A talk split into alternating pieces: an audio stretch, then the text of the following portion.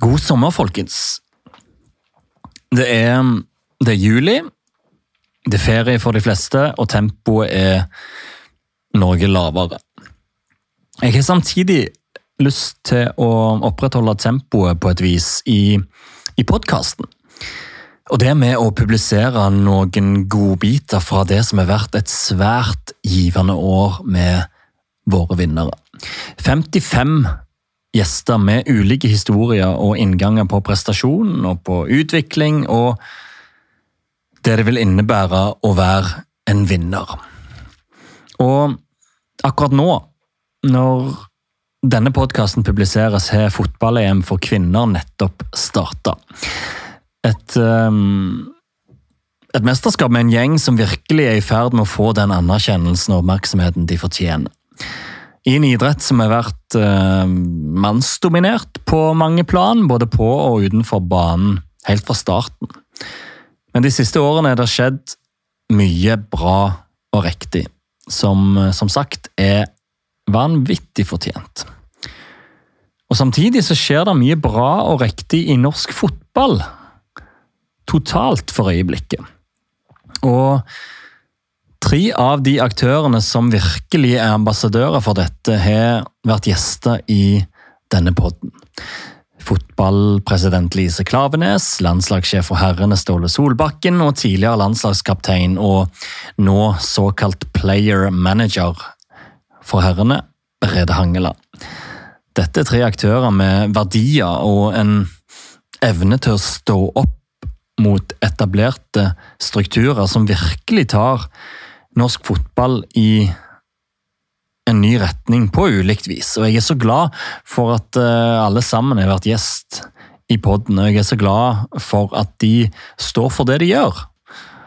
Både opp mot menneskerettigheter, like muligheter, som plutselig har fått uh, nå en ekstra kraft og en ekstra dimensjon med det arbeidet Lise Klavenes gjør, og tøffheten hun viser. Og Qatar-VM og Fifa og Uefa, og med jobben som gjøres internt, med tankesettet og hvordan de tenker på hvordan lag og organisasjon skal bygges. Og Derfor så tenker jeg det er perfekt å starte sommeren med en uh, liten fotballspesial. Med disse tre. Med Brede Hangeland, Lise Knavenes og Ståle Solbakken.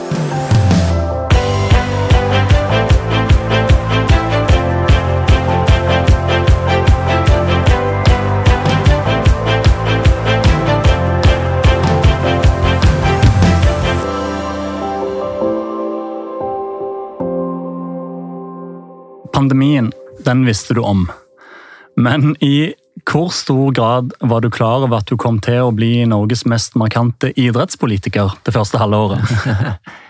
Eh, jeg var jo klar over at det Qatar-spørsmålet var betent. Eh, eh, og Derfor gikk jeg jo noen runder med meg sjøl før jeg ble ansatt. Og så ble det jo enda mer betent etter at jeg ble ansatt. Og så kan du jo si at da har jeg måttet gå en skikkelig research med meg sjøl i forhold til hva, hvilken magefølelse har du på det her. Eh, og jeg er jo snakker med så mange som, som sitter med eh, veldig bra kunnskap om det her. Og så, og så er det jo etikk, moral, eh, politikk, eh, idrett. Alt er i en salig blanding her. Og så skal du jo være sikker på at du kan stå inne for eh, eh, det du fronter, da. I, i mediedebatten og det du fronter blant ja, blant menigmannen og i, i, forskjellige medier, så Der har jo jeg landet på eh, at, at, jeg tror det er bedre at vi, vi står inni det og prøver å påvirke innenfra. Eh, men jeg har full respekt for de som mener at, at det har gått for langt, og at et boikott er et virkemiddel, men jeg tror bare at eh, eh det ikke gjør at de arbeiderne får det noe bedre, eller at vi klarer å eh, vende litt da, inn uh, de kulturelle verdiene som vi står for, og som vi gjerne vil uh, Som vi ser over som en selvfølge. Og, og da, er vi, da er jeg landet der, og det, det, er jeg trygg på, men jeg har kjempestor respekt for de som mener eh, boikott er et virkemiddel, og jeg har kjempestor respekt for de som, som ikke har det. Eh, og så er det jo eh, ikke en diskusjon for eller mot menneskerettigheter her. Altså, jeg tror alle er enige om at både homofilidebatten, menneskerettighetsdebatten og alt det der, det vil vi dra i den samme retning, og så er det virkemidlene vi er uenige om. Og så er det jo sånn at Som regel som landslagssjef så er det typiske valget her å ikke ta noe særlig standpunkt, og la være å fronte dette. Mm. Men du er da valgt å gå inn i dette med hud og hår, sette deg inn i problematikken, lese dokumenter, ta kontakt med Amnesty. Hvorfor gjør du det? Nei, Det er jo fordi at jeg må ha den riktige magefølelsen sjøl. Jeg kan ikke spille et skuespill eller å Ehm, eller å være intetanende om det som skjer rundt meg. For det, dette er jo en viktig problematikk, og det er jo ikke noe som kun gjelder fotball-VM i Qatar. Altså, du har vel antageligvis vært i Qatar med noen supre friidrettsutøvere eh, og sett de vinne på de samme arenaene. Eh, eh, og det er helt fair at det er fotballen som kanskje skal ta den ta den fighten her i forhold til at eh, sommer-OL og, og eh, fotball-VM er de to største idrettsarrangementene i, i verden. Uh, og da du en gang har fått den jobben som jeg har fått, og jeg er glad for det, så hører det her faktisk med i den situasjonen vi er nå. Ikke det at det er favoritt. Det er jo ikke derfor jeg er ansatt heller. Altså, jeg, er ikke, jeg er ansatt for å vinne fotballkamp. Så endte jo dette opp med dette eh, T-skjortestuntet som ble eh, viden kjent faktisk over hele verden, med Human Rights on and off the pitch. Mm. Eh, hvordan var prosessen fram til det stuntet? Eh, ja, altså jeg la jo litt huet på blokka og sa at vi må, vi, vi må, jo stå for noe, vi må gjøre noe i praksis. Vi må flytte noe, se hva vi kan flytte, se hva andre kan flytte. Eh, og dette er jo ongoing, eh, om du kaller det prosesser, jeg er ikke så glad i det ordet, men eh, det er jo ongoing hendelser da, mm. som skjer hele veien i forhold til å, å påvirke. Fordi at du kan jo godt si at Qatar aldri skulle hatt det mesterskapet, men så kan du også si på en annen måte at kan fotball og idrett bringe oss sammen, sånn at fotball eh, kan ta eh, en verdikamp eh, i eh, de delene av verden som, eh, som eh, kanskje har bruk for nettopp å få de verdiene. Så det går an å tenke den tanken òg. Og så er det jo sånn at Fifa og Uefa har gjort forferdelig mye ting. Det har vært beviselig mye korrupsjon, det har vært beviselig mange feilaktige politiske eh, valg, eh, og, og, personer har blitt arrestert, personer har blitt, eh, har blitt fratatt sine verv, berettiget. Men så har det òg gjort noen gode ting, som for kvinnefotball all over the world, f.eks. For, for, for at jenter og gutter i krigsherjede områder skal få spille fotball, for at jenter skal bli likestilte med gutter i, i, i land hvor hvor, eh, hvor, de faktisk er ganske langt unna likestilling. Eh, hvor de har fått gjennom en del ting gjennom idretten. og Det, det skal de òg ha i alt det gærne de har gjort. Da. Eh, så eh, ja, så, så, så, det, så, det, er liksom et vidt spørsmål, dette her. Og det, og, og det, og det favner for, eh, mye. Og, idrett og politikk lik, Liker du det eller ikke liker du det, det hører sammen, dessverre. Eh, og Sånn har det alltid vært, og sånn vil det alltid bli.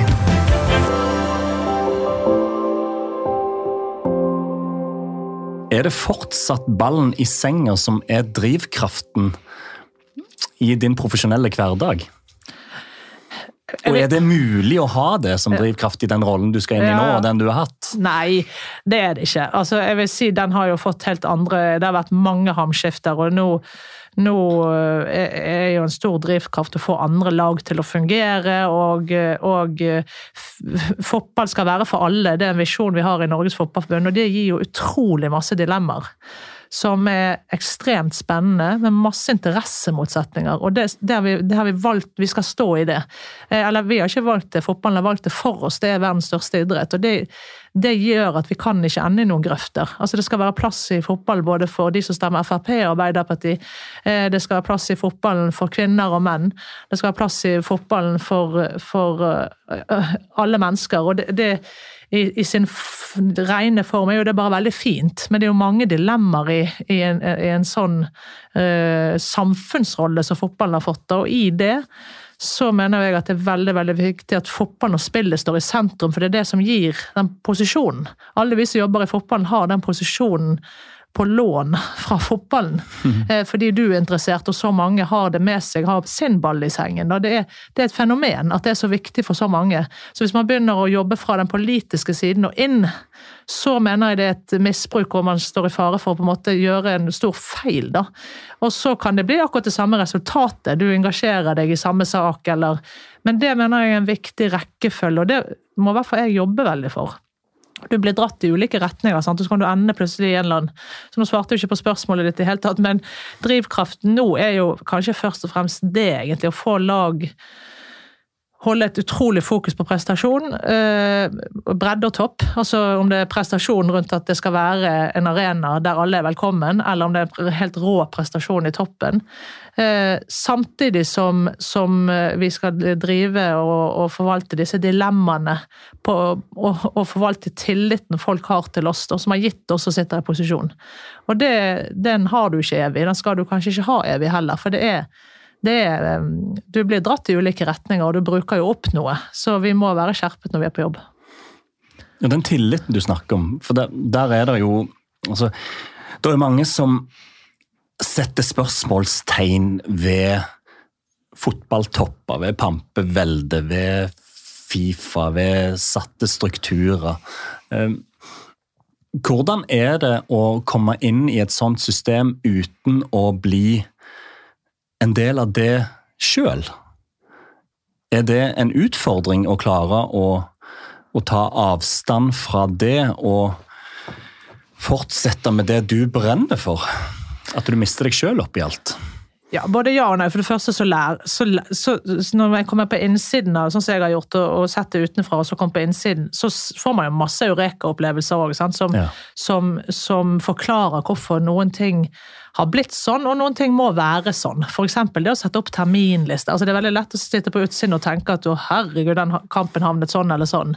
Men gud, hvor krevende det er med ja. disse kalenderne eh, når man skal sette alle disse interessemotsetningene opp mot hverandre. Jeg jobber ikke med det, så derfor kan jeg dra den eh, saken. Så når jeg ser det innenfra, så syns jeg de som driver med det hos oss, er utrolig flinke i konkurranseavdelingen vår og jobber veldig bredt med forankring. Eh, likevel så vil det bli feil, og der kommer den forvaltermakten inn. Altså den, NFF forvalter jo en makt til å organisere idretten, eh, eller et ansvar. Eh, og den kan av og til gå utover prestasjonsdelen. For den, den, vi ønsker jo egentlig ikke å ha et sånn relasjon til folk i, med landslagene. Sant? Det er jo et, et sted for begeistring og, ja, skuffelse, for så vidt òg. Så det, det, er jo, det, er jo, en hel syklus. Man er jo en hel stat, egentlig, som skal drive med, med mange ting der oppe. Og, det, og det, gjør nok at eh, noen ganger er det litt langt fra det folk ser, og det som er realiteten. Når det er sagt, så er det jo en tradisjonell verden, dette her, med, med noen strukturer som, som, er gammeldagse. Altså, nå snakker vi om hele den internasjonale fotballbevegelsen, som man kan bli gal av. Eh, som er veldig satt om å gjøre det. Har jo ingen annen logikk enn at det bare har vært sånn. Mm. Og og det å identifisere hvor er det ene du må ha respekt for å lære av, og det har jo vært uendelig mange ting, det. Som jeg har boost inn og tenkt at her må vi liksom endre, og så, så er det gode grunner til å være litt mer ydmyk. Og vice versa, at man, noen ting er litt for lenge akseptert, så man egentlig må utfordre enda mer, da. Og det er jo en øvelse. Det er en øvelse, og idrettsbevegelsen er jo stor og sterk, og jeg tenker jo at eh, den er jo det fordi den er sterk. Altså, da, er det jo noe sterkt her. Da, det, det, det, som man helt øverst, og korrupte ledere osv. Det er jo enkeltpersoner og en eller annen kultur, og definitivt en ukultur. Og et uttrykk for at det er en global bevegelse. En verden der 20% eller noe sånt er demokratier. Sant? Så du skal få en global bevegelse til å fungere, så blir det mye underlige mm, ting som skjer. og der, der der må vi kjempe for kulturen. Eh, men, men, men, det er klart, på byråkratisk nivå i enkelte av disse idrettsbevegelsene, så er det jo masse flinke folk som vi må lære av. Så jeg syns Ja, det er det krever liksom 100% av all energi noen ganger. og å komme inn som advokat, f.eks., eller en, ha det tankesettet i en, i en i en organisasjon som er en forening, det er forvaltning, det er forretning, det er konkurranse, det er frivillighet, det er likestilling Altså alt sauses sammen i, og, og med veldig medienærhet. Eh, og stor medielekkasje, for man er vant til at alle, alle skal snakke om disse tingene eh, hele tiden. Så, så, kan det noen ganger være veldig vanskelig å ha gode prosesser, f.eks. Eller god mm. rettssikkerhet. Eller, eh, og, og, og, noen ganger syns jeg at man står i fare for å miste tillit, da. og ikke bruke den tilliten så godt som man skal. Så så jeg syns det der er veldig veldig spennende og drivende. Motiverende. Jeg har ikke møtt en eneste kollega på Ullevål som jeg mener er er noe galt med, eller som eh, herregud, gud for en pamp, eller det, det, er jo et helt, i Norge, helt fjernt begrep for meg. Eh, men vi er en del av en kultur, vi skal forvalte en tillit, og det er noen mørke skyer der internasjonalt i internasjonal fotball. Det er ting som ikke er på noen måte bra. Og vi er nødt til å fortjene den tilliten til de fremtidige generasjonene òg. Ting er i endring. Og det blir jo ikke lett. Så dette, Kanskje går det ikke engang, men det, det, det er jo ikke jeg alene om å ville prøve å gjøre noe med. Der er vi jo heldigvis veldig mange. Ja, Apropos det, og du snakket om disse lagene du leder, eh, bl.a. herrelandslaget med eh, der det kommer inn en Ståle Solbakken som viser null frykt overfor disse etablerte strukturene og bare sier det han mener på en måte landslagssjefer normalt sett ikke har gjort. Eh, hvordan har det vært å forholde seg til for deg? Nei, Det har vært bare veldig inspirerende. meg og Ståle jobber tett sammen. og, og når Ståle kom inn, så opplevde jeg at jeg fikk en partner i Det er jo flere som engasjerer seg for dette på Ullevål, ikke, ikke, det, men, men, jeg fikk en partner i, i den operative i, hva skal jeg si, delen av vår idrett eller virksomhet, som, som, både ønsket å ta, ta, et ansvar, gå inn på manesjen, på en måte. Ikke stå og rope uten, og, uten å gjøre noe, men være med og ta en risiko sjøl. Eh, med alle de dilemmaene det medbringer. For det er ikke noe selvfølgelig ikke noe quick fix. sant? Eh, så, så jeg opplevde det som bare veldig inspirerende og eh, for meg ja, veldig avgjørende inn i hele den Qatar-saken. Men, men, det har vært lærerikt og inspirerende at, at en som står på Urias post sånn som han, kunne plukke opp eh, en sånn type fakkel da, og dra det videre og oversette det inn i, inn i idretten. Så bringer det med seg masse dilemmaer. I utgangspunktet så, så, er jo fotballen Det vi begynte med å snakke om her, er jo at uh, fotballen har en veldig stor egenverdi i seg sjøl. Mm. Det er derfor den har så sterk posisjon. Det er derfor markeringer kan gå over hele verden. Og, og da bør det være en veldig uh, høy terskel for at uh, ansvaret for politiske saker eh, forvaltes av spillerne på feltet. Ikke fordi det skal være begrensning av ytringsfrihet, det må være ubegrenset og ubetinget. Men hvor finner du den balansen mot at det blir til slutt en inflasjon som gjør at du eh, har, ta, har, tatt fokuset vekk, og at megafonen spillet gir, blir, eh, blir, forstyrrende for selve greinen du sitter på, som har gitt den posisjonen. Mm. Eh, for vi må være helt tro mot den posisjonen og den tilliten vi forvalter, at den kommer fra spillet, fra fotballen og posisjonen eh, spillet har i verden. Så så det er en eh, vanvittig balansegang, men der er det veldig inspirerende å jobbe med Ståle. Fordi han er, han er intelligent, han er intuitiv selvfølgelig og hopper raskt til konklusjoner. Men det er basert på en intelligens og et, et eh, veldig tungt verdisett, og han lytter òg. Så det har vært eh, inspirerende, og vi har definitivt vært på lag hele veien.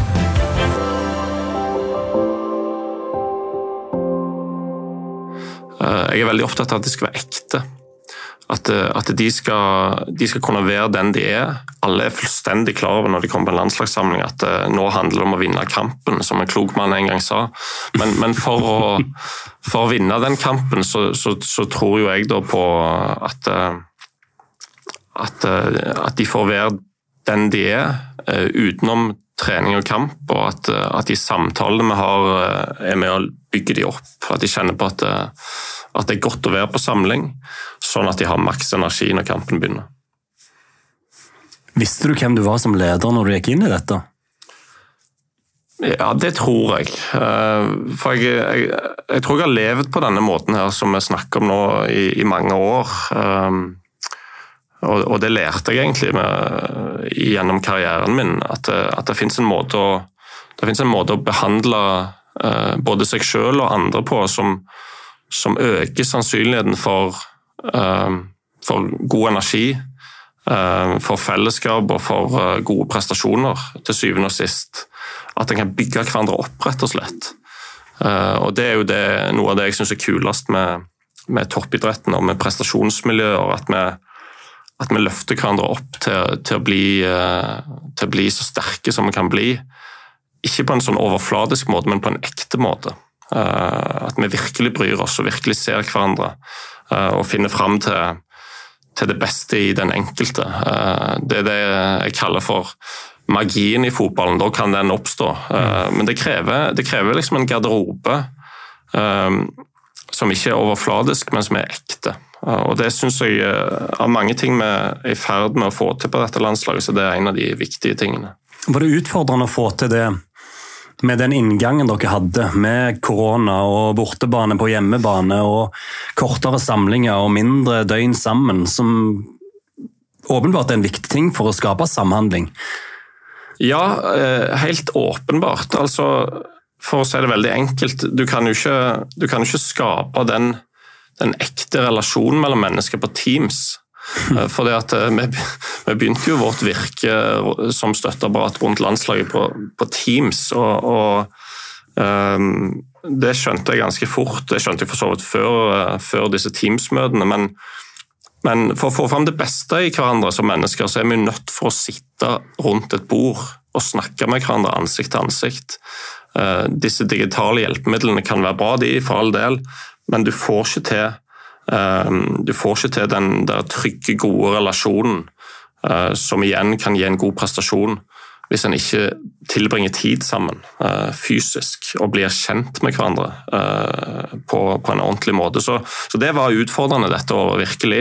Og jeg tror en av grunnene til at det gikk ganske mye bedre etter sommeren, var at da hadde vi hatt litt tid. Men det var rart å møte opp i, i Spania i mars og skulle spille tre VM-kvalikkamper på syv dager. Og aldri hadde møtt en del av gutta før, faktisk. Det var utfordrende. det er jo helt absurd. Ja, det er det, men det, det er sånn verden var. og Det, det, det er jo en, et annet av disse eh, en, en annen viktig regel i, i, i toppidretten, men òg i livet uh, generelt, det er jo å fokusere på det du kan gjøre noe med. Sant? det var et virus, ingen kunne reise, og vi møttes uh, for første gang med altfor kort tid. Så kan du sitte og sutre over at sånn er det, men det hjelper jo ingenting. En må, må prøve å gjøre det beste ut av situasjonen. Du snakker mye om relasjoner. Relasjonen din til Ståle Solbakken, den kommer jo fra før nå. Han var jo den første spilleren han henta Du var den første spilleren han henta til FCK. Hvor mye hadde det å si for valget ditt, at det er Ståle Solbakken nå som er hærfører? Det, det, det, hadde avgjørende betydning. Altså, jeg hadde nok vært veldig interessert i en sånn type rolle uansett. fordi at uh, Kjærligheten til norsk fotball og, og ikke minst til A-landslaget den er sterk uh, og god. Men, men, Ståle er jo en av de lederne som jeg har hatt som jeg respekterer mest. Han, han, er et Hvorfor det? Ja, han er, han er jeg snakker mye om å være ekte. Eh, og Jeg tror ikke jeg vet om et mer ekte menneske enn Ståle Solbakken. Han uh, sier det som det uh, og, og, er seg selv i alle situasjoner. Og, og, Det er ganske interessant når du ser på topptrenere. Det er ofte et sånn perspektiv å vurdere dem. Du kan se på en, på en topptrener som har en pressekonferanse eller står i en intervjusituasjon osv. Så, så kan du stille deg spørsmålet er han ekte nå, eller driver han skuespill. Eh, og, og, Min påstand vil jo være at veldig mange driver med skuespill i mange sammenhenger, men, men Ståle er en av de uh, få jeg vet om som, som uh, fremstår veldig ekte, og er veldig ekte i alle sånne Kall det jobbsituasjoner, enten det er i garderoben eller på benken eller i et møte, eller når han snakker med media. Og, og det som er konsekvensen av å være ekte, er at du bruker ikke unødvendig energi. Sant? Eh, og det er en annen ting med Ståle. Han har en enorm energi.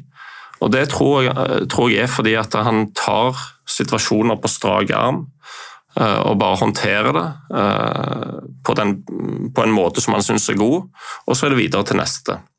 Uh, og um, Det syns jeg er inspirerende. Jeg syns det er lærerikt å, å, få være med og se det igjen på nært hold. Det var fantastisk å se det på nært hold i, i FC København et par år, men uh, jeg vil gjerne se det igjen. Uh, og har ikke angra.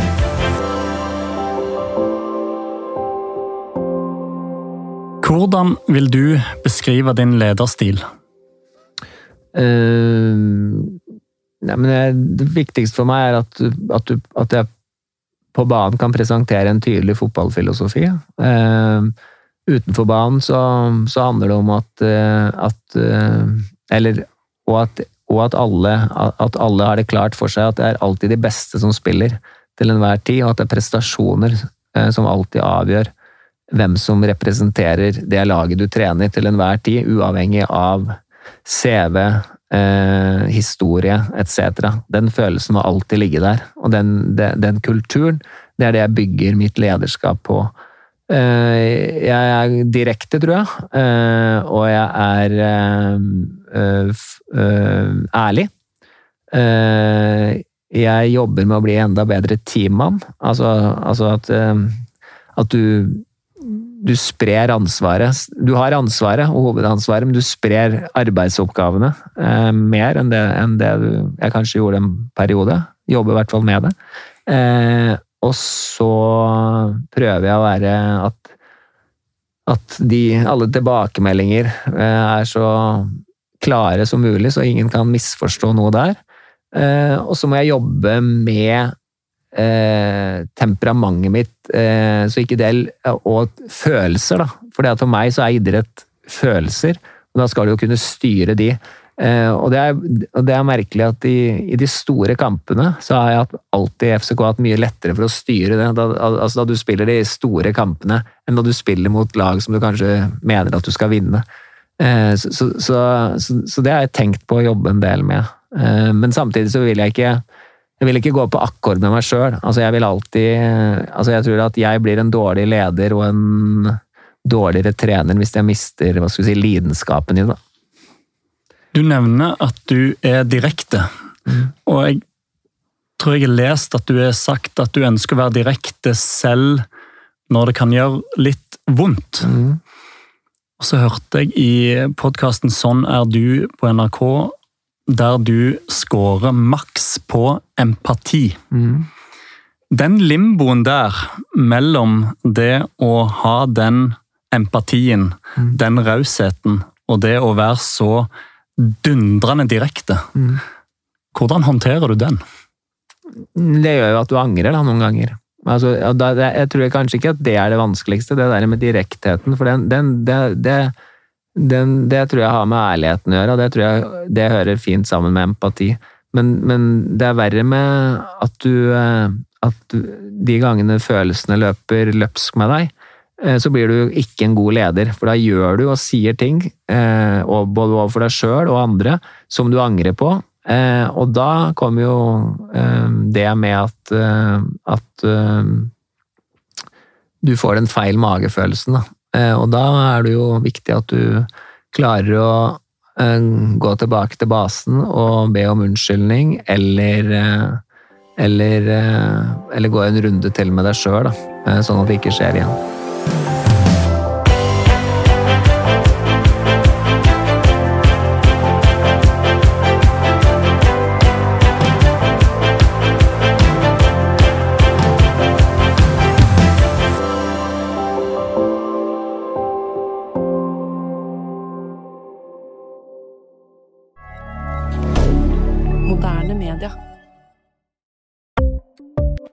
Ukens annonsør er Folio, en smartere banktjeneste for deg som har en egen bedrift eller ønsker å starte for deg selv.